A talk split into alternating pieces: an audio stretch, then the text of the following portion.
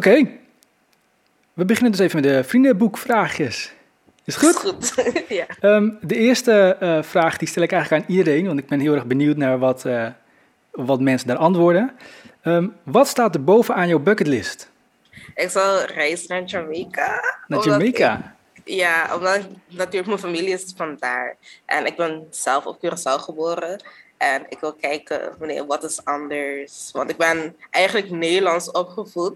Dus ik heb verschillende culturen. En alleen van Jamaica heb ik nog niet echt gezien of echt meegenomen. Dus ik zou daar zeker heen willen. Oh, wat een goeie. Voor Ik nu staat die bovenaan. Ja, mooi. Eh, eh, wat tof dat je daar vandaan komt, dat wist ik helemaal niet. Ehm, Yes. Of daar in ieder geval roots hebt. De Jamaica lijkt me ook heel tof om een keertje heen te gaan. ja, Eh, het ziet er altijd zo mooi uit op eh, foto's en films en Ja, dat soort en- dingen. Goeie. Oké, volgende vraag. Als je ooit in het buitenland zou moeten wonen, waar zou je dan willen wonen? Oeh. Goeie vraag. Oh, ik weet het eigenlijk nog niet. Want ik zou zeggen, als ik nu meteen zou kiezen, zou ik Nederland zeggen. Maar als ik alle keuzes heb, Mhm. dan weet ik het nog niet. Want ik weet niet echt wat het beste is, hoe het cultuur... Ik, ik zou denk ik eerst echt met een jaar lang onderzoeken hoe Ah. de landen zijn en zo. Maar ik zou het liefst wel in een warme cultuur blijven. Ja. Maar misschien wat kouder dan hier, maar toch wel aan de warme kant. Bijvoorbeeld in de regenwoud. Ja, precies. En, en waarom Nederland dan? Want dat is niet hetzelfde temperatuur. eh. Nee, nee omdat Nederland is een. Is, um, dus ik ben al gewend aan de Nederlandse cultuur. Ah ja. Het zou makkelijk zijn, geen cultuurclash of zo. Dus daarom zou het voor mij makkelijker zijn. Ja, Maar aan de andere kant, ja, is het ook weer hetzelfde. ja, ja, Dus ja. snap ik. Ehm, Oké, laatste. Wat is jouw favoriete woord in papiamento? Ehm, ik denk wel gewoon goed, het is bon dia, bon tarde, bon noche. Ja, Ja, is toch het woord dat je het meest gebruikt en is ook het eerste woord dat je aan iemand leert om zo veel mogelijk mee te geven. Ja. Dus ik denk wel dat groeten in het papiament het beste voor mij is. Of Dat- mijn lievelingswoord. ja, dat zijn volgens mij ook de eerste woordjes die wij hebben aangeleerd. ja. Eh, goedemorgen, goedemiddag, goedenavond. Ehm, ja. ja, en die gebruik je eigenlijk altijd inderdaad, ja. Ja, Ja. inderdaad, je gebruikt het eigenlijk elke dag. dus, Ja, maar ook, maar ook tegen iedereen. Het is niet dat je tegen je moeder een ander soort begroeting doet dan tegen de man in de Nee, supermarkt of zo. als iemand bijvoorbeeld voor langs loopt, zeg je sowieso bon dia of bon tarde. Ja, Dus het is, ja, je gebruikt het eigenlijk ja, de hele dag door eigenlijk. ja, mooie, goeie. Ja, dat zijn eh, volgens mij ook inderdaad de eerste woordjes die wij eh, geleerd, althans ik, Ja, ik geleerd heb gekregen. Ehm, Oké, dan gaan we nu beginnen. Is goed. Ben je er klaar voor? Yes. Daar komt ie.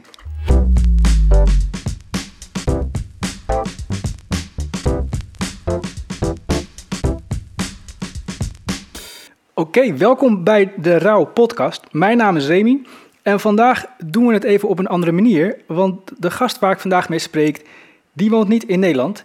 En vandaar dat we het dus vandaag even online doen via, eh, via het internet. Ja, kan jij je even voorstellen, eh, wie ben jij? Yes. Ehm, ik ben Marcia Brand. Ik woon in Curaçao. Ik ben 18 jaar en ik ben een student nu hier op de Universiteit van Curaçao. Yes, en je woont dus op Curaçao. En vandaar dat we het nu even via het internet doen, want eh, nou ja, ik woon in Nederland. Yes. Ehm, maar toch fijn dat het tegenwoordig in ieder geval op deze manier nog kan spreken. Ja, Ehm.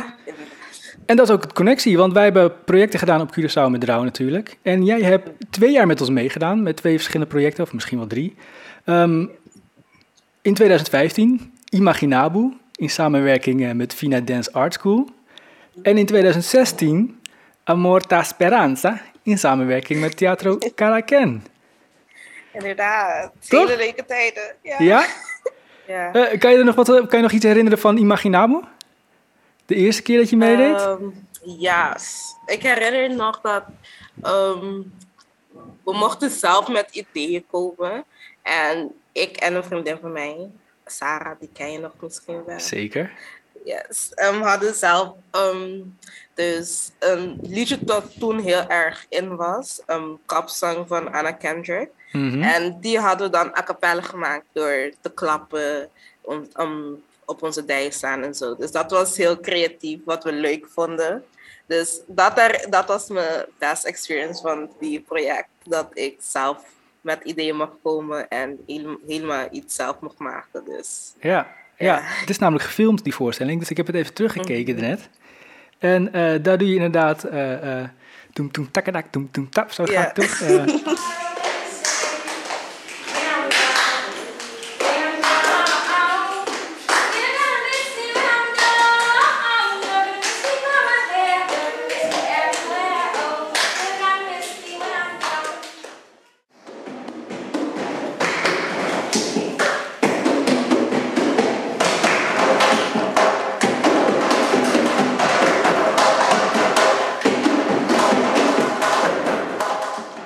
en je deed ook nog een dans trouwens, met, met een, een groepje.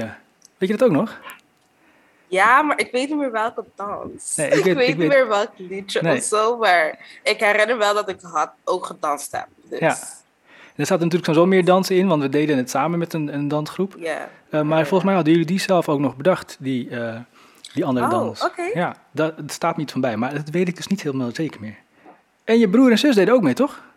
Ja, s- ehm, Sasha en Brian volgens mij, ja. Ja, Die Brian deden er ook inderdaad mee. En Sasje ook nog het, het jaar daarna, maar Brian niet meer. Ja, inderdaad. Nee, Brian was, was toen vooral bezig met voetbal eigenlijk. Ja. Toen werd voetbal meer zijn passie en zo.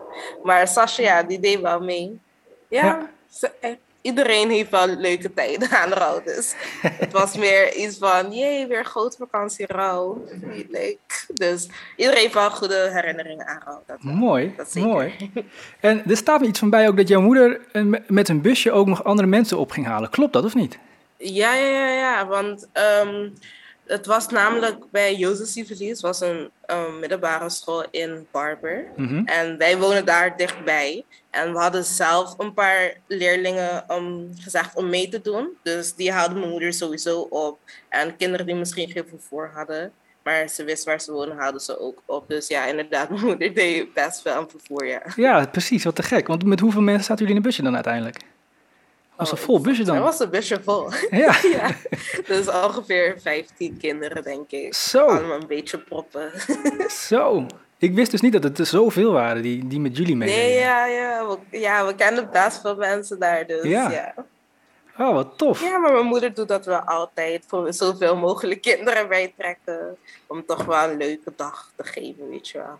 Dus, Ja. Ja, en dat was het ook heel erg. Juist omdat er zo'n Ja. zo'n leuke groep bij elkaar was. ja, Ehm. Weet je überhaupt nog hoe, je er ben, hoe jullie erbij zijn gekomen om überhaupt mee te doen? Want van ons hadden jullie geval nog nooit gehoord natuurlijk. Nee, ik, het komt door mijn moeder volgens mij. En ik weet niet precies hoe het is gegaan, maar ik weet wel dat mijn moeder via Facebook, maar ook via Nederland, dus allemaal ba- basically via, via, via het internet en alles. Maar ik weet wel dat mijn moeder met het idee kwam zo van, ja, er is een dansproject, willen jullie meedoen? Want normaal hadden we wel een vakantieplan van iets anders, Mhm. maar die was weggevallen omdat toevallig ehm, degene die dat oprichtte was overleden. Dus Oh. daarom hadden ze dat jaar net niet. Maar toen hoorden we dat we. En ik, mijn passie is vooral dansen. Mhm. Dus mijn moeder was zo van: ja, het is toneel, dans, willen jullie meedoen? En ja, toen was ik van: ja, weet je, iets nieuws proberen. En toen was het heel leuk. Dus Gelukkig maar. Want het jaar daarna kwamen jullie weer. Ja, inderdaad, nog leuker. Eh, nog leuker? Kijk, het was een ander soort Ja. project. Ook nog, met, wij werkten toen samen met een andere groep. Maar jullie waren er sowieso weer bij. ja, ik was er sowieso weer bij. Het was echt leuk.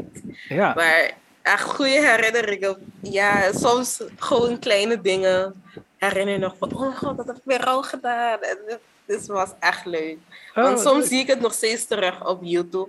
Um, had hij vlogvideo's en toen zag ik het laatst. En toen was ik, oh ja, dat heb ik, ik heb daar meegedaan. Dus het was echt leuk om terug te zien. Wat leuk, wat leuk. Eh, kan je daar nog iets van herinneren? Want dat project bestond eigenlijk een beetje uit twee delen. Het ochtendprogramma en het middagprogramma. Inderdaad. En jullie deden aan alle twee de dingen mee ook. Mhm. Wat, weet je Ja. daar nog iets van? Ik herinner dat wij, um, omdat het toen in een stad was, in Punda, Mhm. um, En daarna, na, ik weet niet hoeveel weken, gingen we naar Siri Papaya. het buurthuis van... Ja, inderdaad.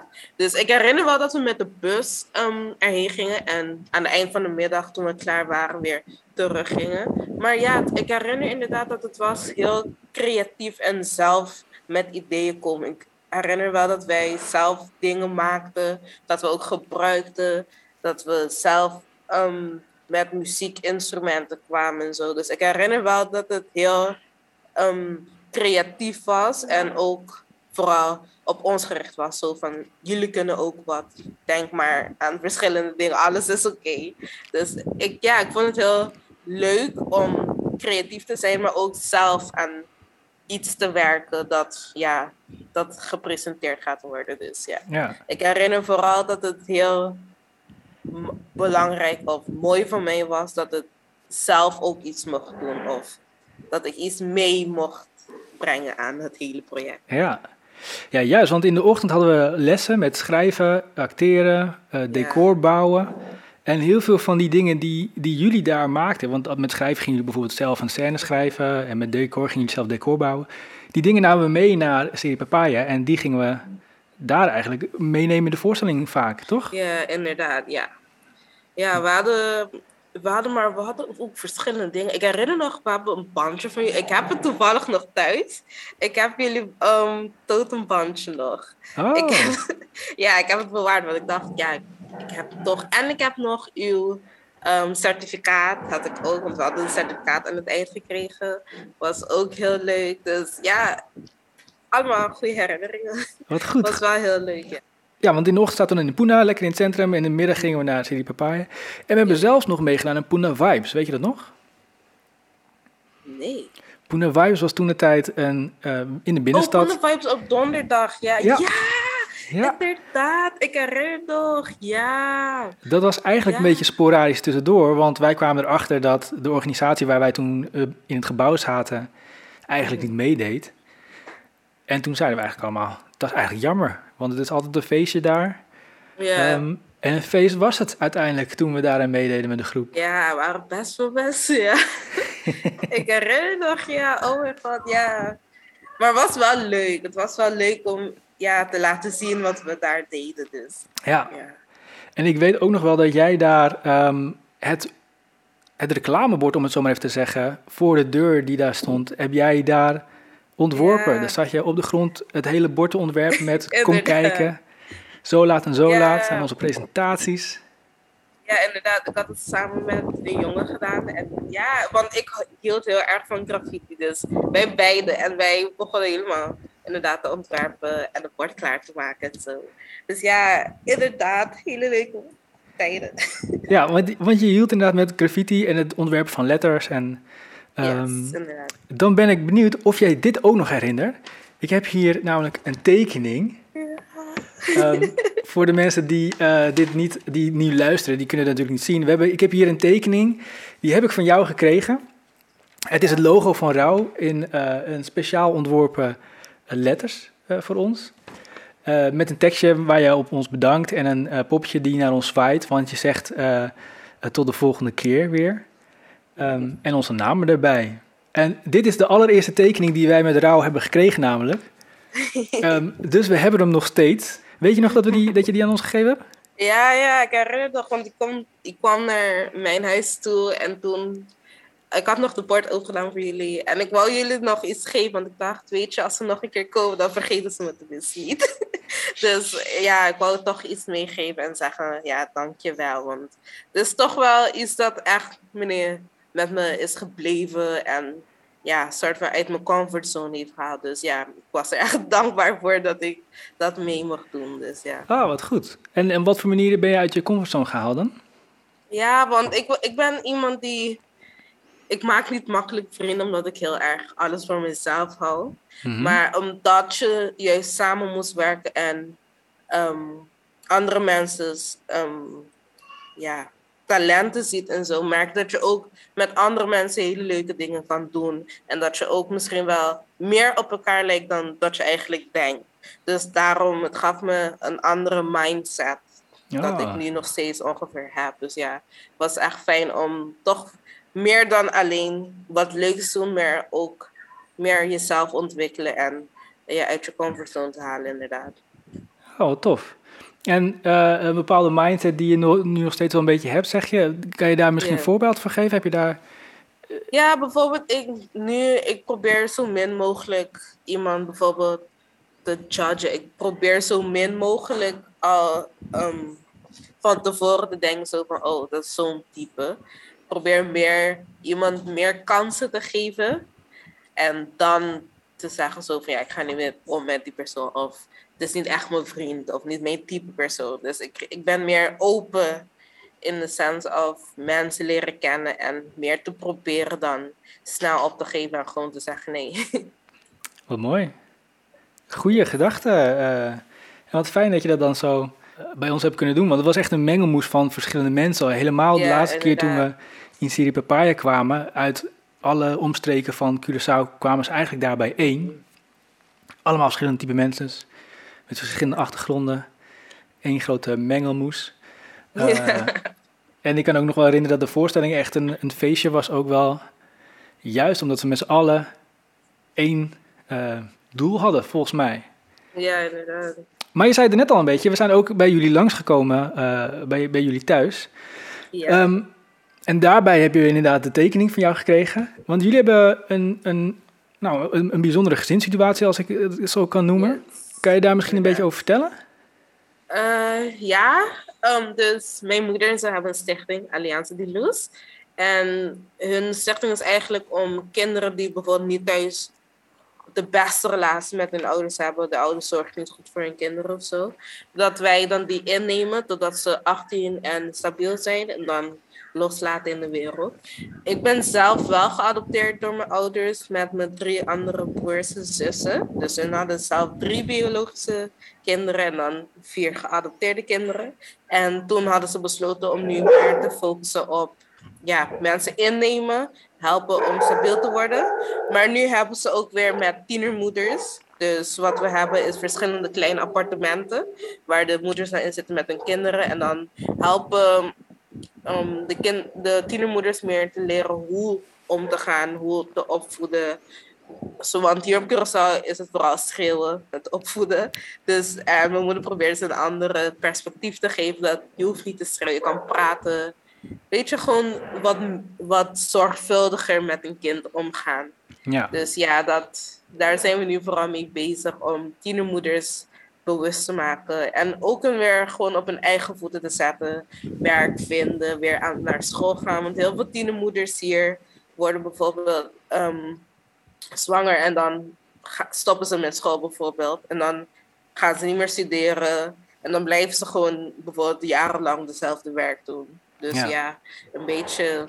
Ja, mijn moeder probeert ze een beetje meer power te geven om vooruit te gaan. Ja. ja. En hoe was het voor jullie dan om, uh, want het gebeurde bij jullie aan huis, toch? Die, de, die woningen staan ook op jullie terrein. Hoe was het voor jullie als, als kinderen van het gezin om dat ook te zien om je heen, dat dat soort, dat soort dingen gebeuren? Ja, voor mij toen, toen, want het begon ongeveer toen ik zes was, mm -hmm. kwamen ineens een grote familie van zes kinderen ineens bij, erbij. Voor mij was het aan het begin eigenlijk best leuk, want je hebt allemaal nieuwe kinderen, je hebt meer mensen om spelletjes mee te doen en zo. Maar naarmate je ouder wordt, merk je wel verschillende dingen. Zo dat omdat iemand anders is opgevoed, is het ook inderdaad voor hun moeilijker. Maar voor mij wordt het ook wat meer moeilijker. Omdat het gewoon, ja, het is een soort van je verwachtingen veranderen, maar ook gewoon de pressure voelt soms totaal anders ineens. Dus het is een beetje naarmate je ouder wordt, begin je te begrijpen, maar merk je ook dat sommige dingen je meer invloeden dan dat je gedacht had. Ja. Dus ja. Ja, dat snap ik wel, ja. ja. En hoe is het eh, met je ouders? Ja, mijn ouders gaan goed. Ze zijn wel wat ouder geworden. maar ja, het gaat wel goed. Mama is vooral bezig met het land. We hebben nu een soort van kleine plantage waar oh, we aardappels, komkommers, paprika's, aubergine en zo, allemaal planten. Wel echt leuk. We gebruiken eigenlijk soms eten we gewoon van de tuin alleen. Want mama maakt vooral pompoen en aubergine en zo. We proberen ook een beetje meer vegetarisch gezond. Eigenlijk, mama probeert gewoon iedereen gezonder te maken. zo min mogelijk ongezond eten. Maar nee, het gaat echt wel goed met mijn ouders. Mooi. Ik ben nu vooral... Ik ben de enigste nog die thuis is. Voor de Mhm. rest zijn alle kinderen naar Nederland of zijn al getrouwd en zo. Maar ja, ze hebben wat meer rust, denk ik. Want Ja. er zijn ook wat minder kinderen. Iedereen is ouder geworden. Dus het is nu een beetje meer rust. Ja. Dus ik denk dat het voor hen nu fijn is, inderdaad, om rust te hebben. Maar toch bezig te zijn met de tienermoeders en zo. Nog steeds een doel Ja. bereiken, bijvoorbeeld. Ja, en hoe is het nu voor jou dan dat je de enige bent nog daar? En al jouw broers en zussen nu Ehm, eh, weg zijn?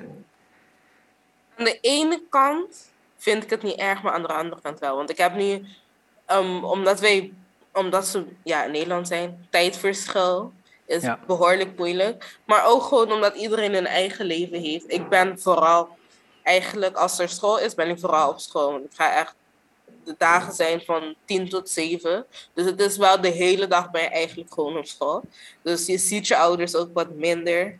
Maar aan de andere kant, je wordt ook weer wat ouder, wat meer, je woont meer op jezelf. Dus ja, voor mij, ik vind het niet erg, maar soms mis je ze wel. Bijvoorbeeld op da- dagen van kerst had je normaal een hele tafel met tien mensen. En nu zie je, zit je maar met z'n drieën of vieren. Dus ja, je merkt het wel. Soms mis je ze wel. Maar aan de andere kant ben je ook weer blij voor ze. Dat het, ah, dat het goed gaat met iedereen. Ja. Iedereen heeft een studie. Het gaat goed. Dus ja, aan de andere kant is het jammer, maar toch wel weer blij. Het is dubbel. ja, inderdaad. snap ik. Snap ik. En je, ze- je zegt al, je bent zelf ook aan het studeren. Je studeert aan de, de Universiteit of Curaçao, toch? Ja, inderdaad, de UOC. Ja, wat, wat studeer je daar? Ik studeer nu International Hospitality and Tourism Management. Wauw. Ehm, ik ben nu in mijn tweede jaar, tweede jaar, tweede semester. Ehm, het gaat namelijk goed. Ik heb alle vakken tot nu toe gehaald. Dus daar ben ik Gefeliciteerd. blij mee. Goed bezig. Yes, dankjewel. nee, maar het gaat goed eigenlijk. Ehm, ik was eigenlijk, ik was klaar met haven 5. Ik was 17 toen. En ik wil eigenlijk, ik, mijn plan was altijd, ja, na, na haven moet je gewoon naar Nederland om te studeren. Maar ik was 17 en mijn ouders dachten, nee, ik ga je niet met 17 naar Nederland laten gaan. En dus toen zeiden ze, ja, je, of je blijft nog een jaar. Maar in die jaar moet je wel of naar school gaan of ehm, werken. En ik dacht zelf, ik kan ook gewoon VWO gaan doen. Toen was ik een maandje VWO gaan doen. Maar toen merkte ik, ja, ik was toch wel klaar met die school. Dus. Mhm. en ik heb niet echt een VWO-diploma nodig.